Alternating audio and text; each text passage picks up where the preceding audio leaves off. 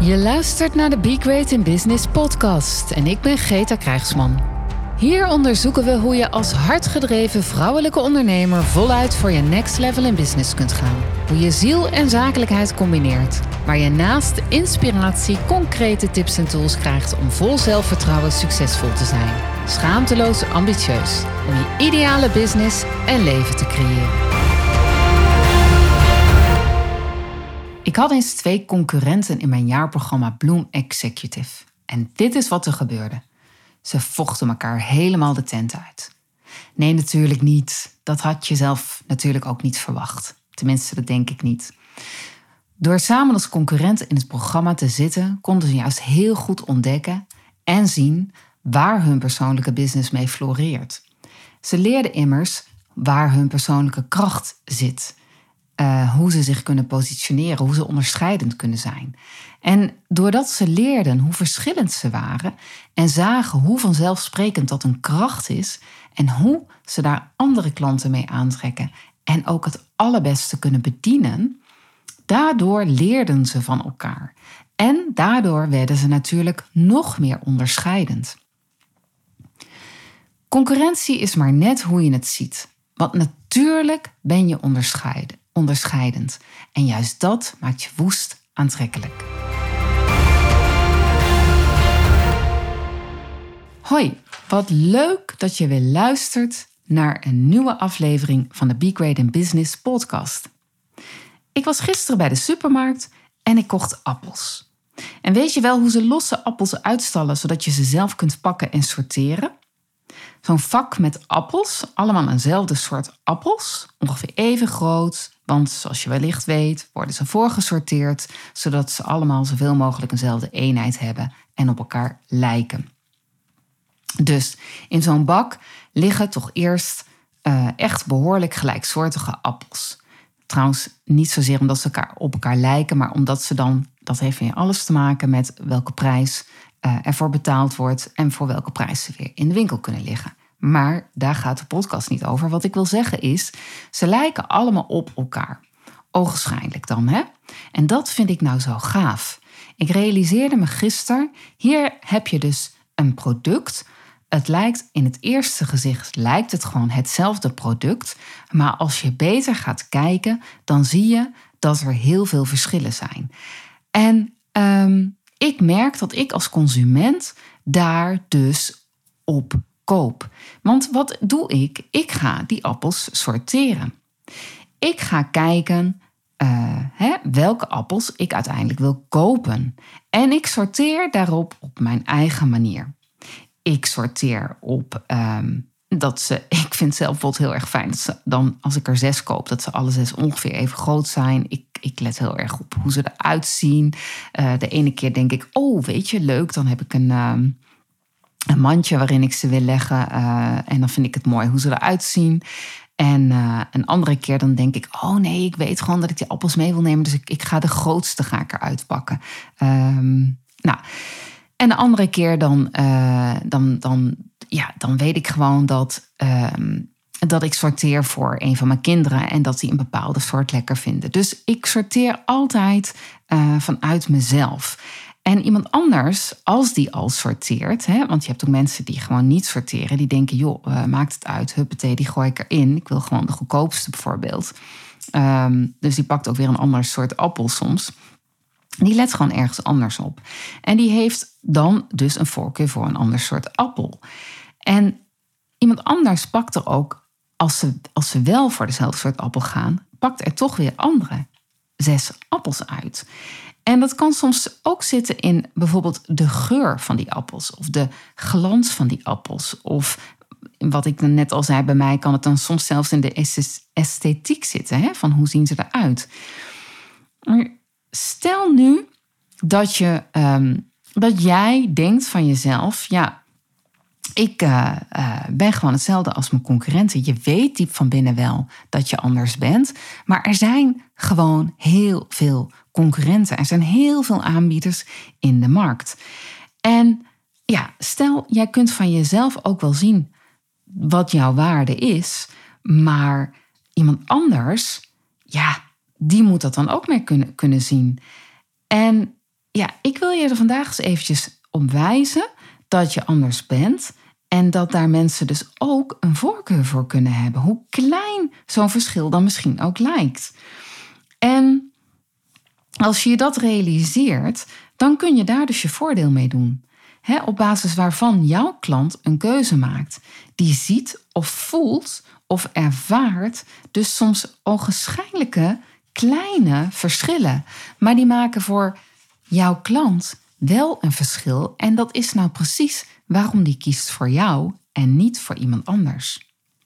En juist daar waar dus heel veel aanbieders zijn en waar klanten makkelijk over de verschillen heen zouden kunnen stappen, omdat ze een eenheids, eenheidsworst zien, kun jij ze attenderen op de verschillen, zodat je niet meer die eenheidsworst bent.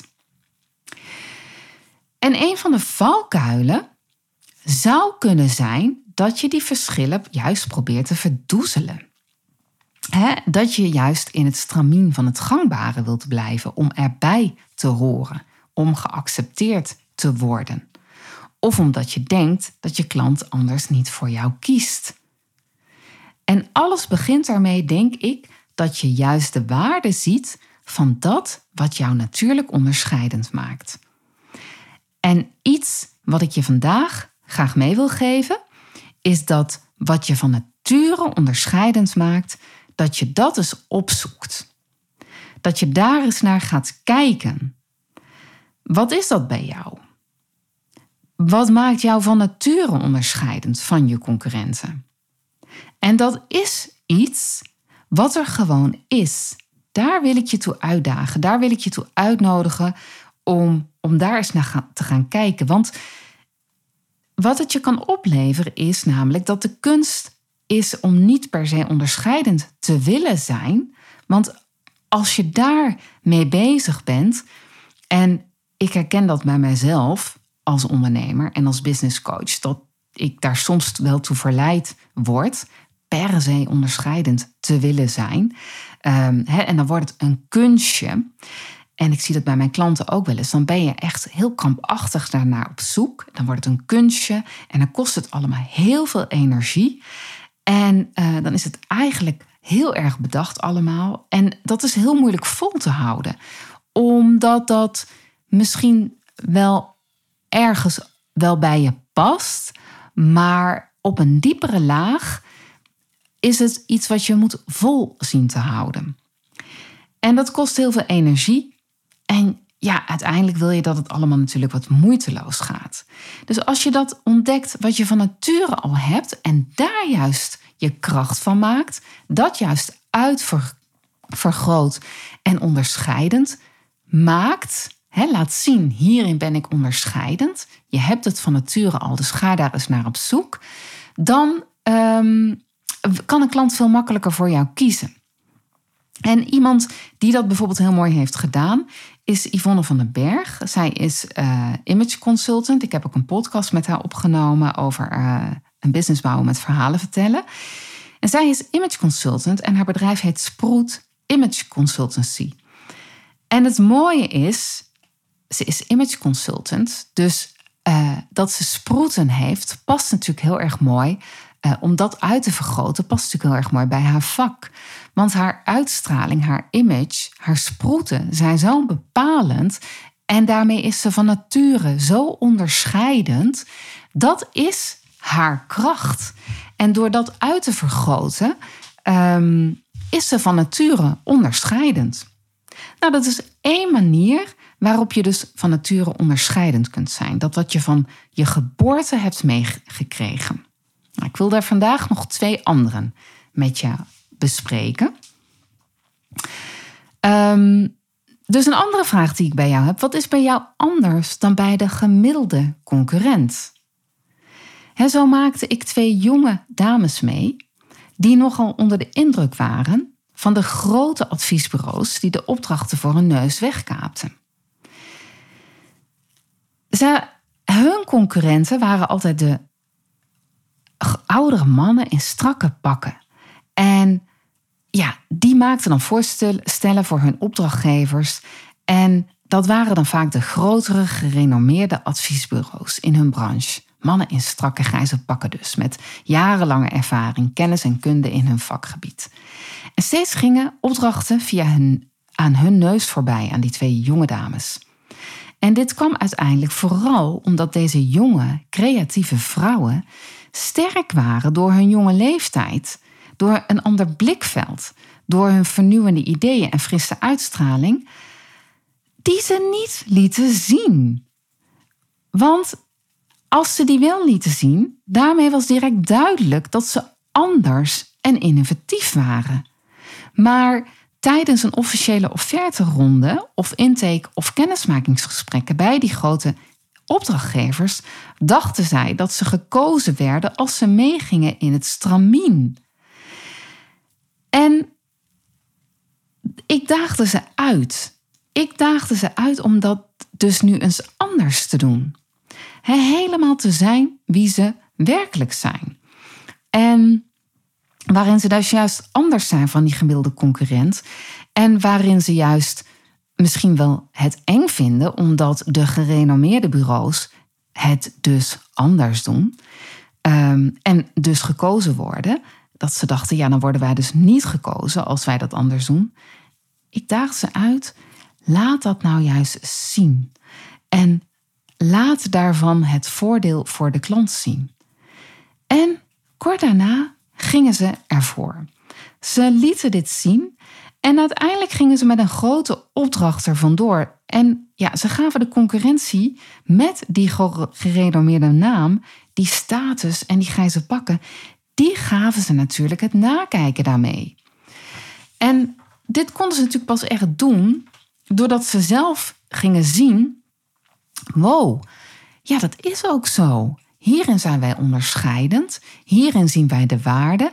En doordat ze de moed en de lef hadden om dat ook al direct zichtbaar te maken aan de klant.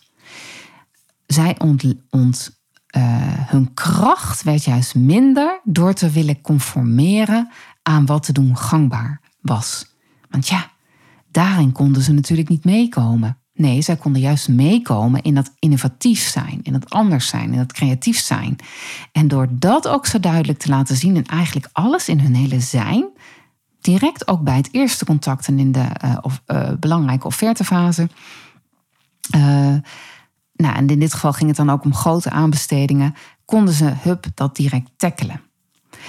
En dus dat is de tweede vraag die ik voor je had. Hè? Wat is bij jou anders dan de gemiddelde concurrent? Dus de eerste. Wat maakt jou? Hè? Wat, wat heb jij meegekregen vanuit je geboorte? Wat je anders maakt, daar kan je eens naar kijken. En de tweede is, wat is bij jou anders dan bij de gemiddelde, hè, vast uh, geroeste concurrent, zeg maar, de standaard concurrent? Ik heb nog een andere vraag voor je, een andere invalshoek waar je ook eens naar kan kijken. Dat is, waar is er een imperfectie waardoor je juist super aantrekkelijk wordt? Het rauwe randje waardoor je eigenlijk bang was of bang bent om afgewezen te worden. Kun je daar eens naar op zoek gaan? Kun je daar eens naar kijken? Dat is ook een manier waarop je kunt kijken waarom je natuurlijk onderscheidend kunt zijn. Dit is uh, waardoor je het werk doet wat je doet. Waardoor jij de aangewezen persoon bent om voor een bepaalde groep diegene te zijn die ze moeten hebben. En daarom ben jij dus ook natuurlijk onderscheidend. En het is je superpower als je de schat erin ontdekt. Velen van ons hebben zo'n rouwrandje. Een pijn die we overwonnen hebben, waardoor we enorm gegroeid zijn en zo goed zijn in het werk wat we doen. En vraag je eens af of jij zo'n pijn hebt. En of je diep van binnen nog vindt dat jij niet goed genoeg bent. of het misschien, of dat dat misschien wel maakt dat je je minder waard voelt. En je hoofd weet al lang dat dat niet zo is, dat je juist krachtig bent omdat je het overwonnen bent. En je bent ook verre van een grijze muis. Je kent je waarde ook, maar tot op zekere hoogte. Want voorbij een bepaalde grens kom je dat gevoel van minder waard te zijn toch steeds weer tegen. En wat je dan tegenhoudt, is dat je dan toch bang bent dat als ze erachter komen, dat je dan toch afgewezen wordt. Nou, die pijn, dat wat daarin zit, ja, dat is echt een enorme kracht van jou. En dat maakt jou natuurlijk onderscheidend. Daar kan niks of niemand, geen diploma, geen, geen nou ja, uh, niemand kan daar eigenlijk tegen op. Want dit is zo uniek van jou.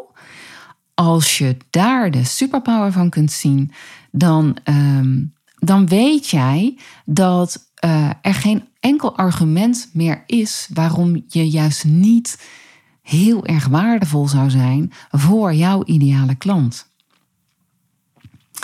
Dus dit zijn drie voorbeelden die ik jou vandaag mee wilde geven. Um, want je bent natuurlijk, door al die dingen die ik je noemde, ben je onderscheidend. En dit zijn nog maar drie voorbeelden van hoe je buiten het meestal bedachte gewoon al heel natuurlijk onderscheidend bent. En als je daarvan de schat ziet en in kan zetten, dan word je nog aantrekkelijker voor de juiste klanten, de leukste klanten. Die dus het beste bij jou passen. En die jou kiezen om dat wat jou van nature onderscheidend maakt en waardoor jij ze het beste kunt helpen. Uiteindelijk is het eigenlijk allemaal heel erg simpel.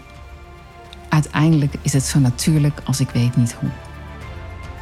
Be great, be great in business, sparkle and shine. Dankjewel voor het luisteren en tot de volgende Be Great in Business podcast.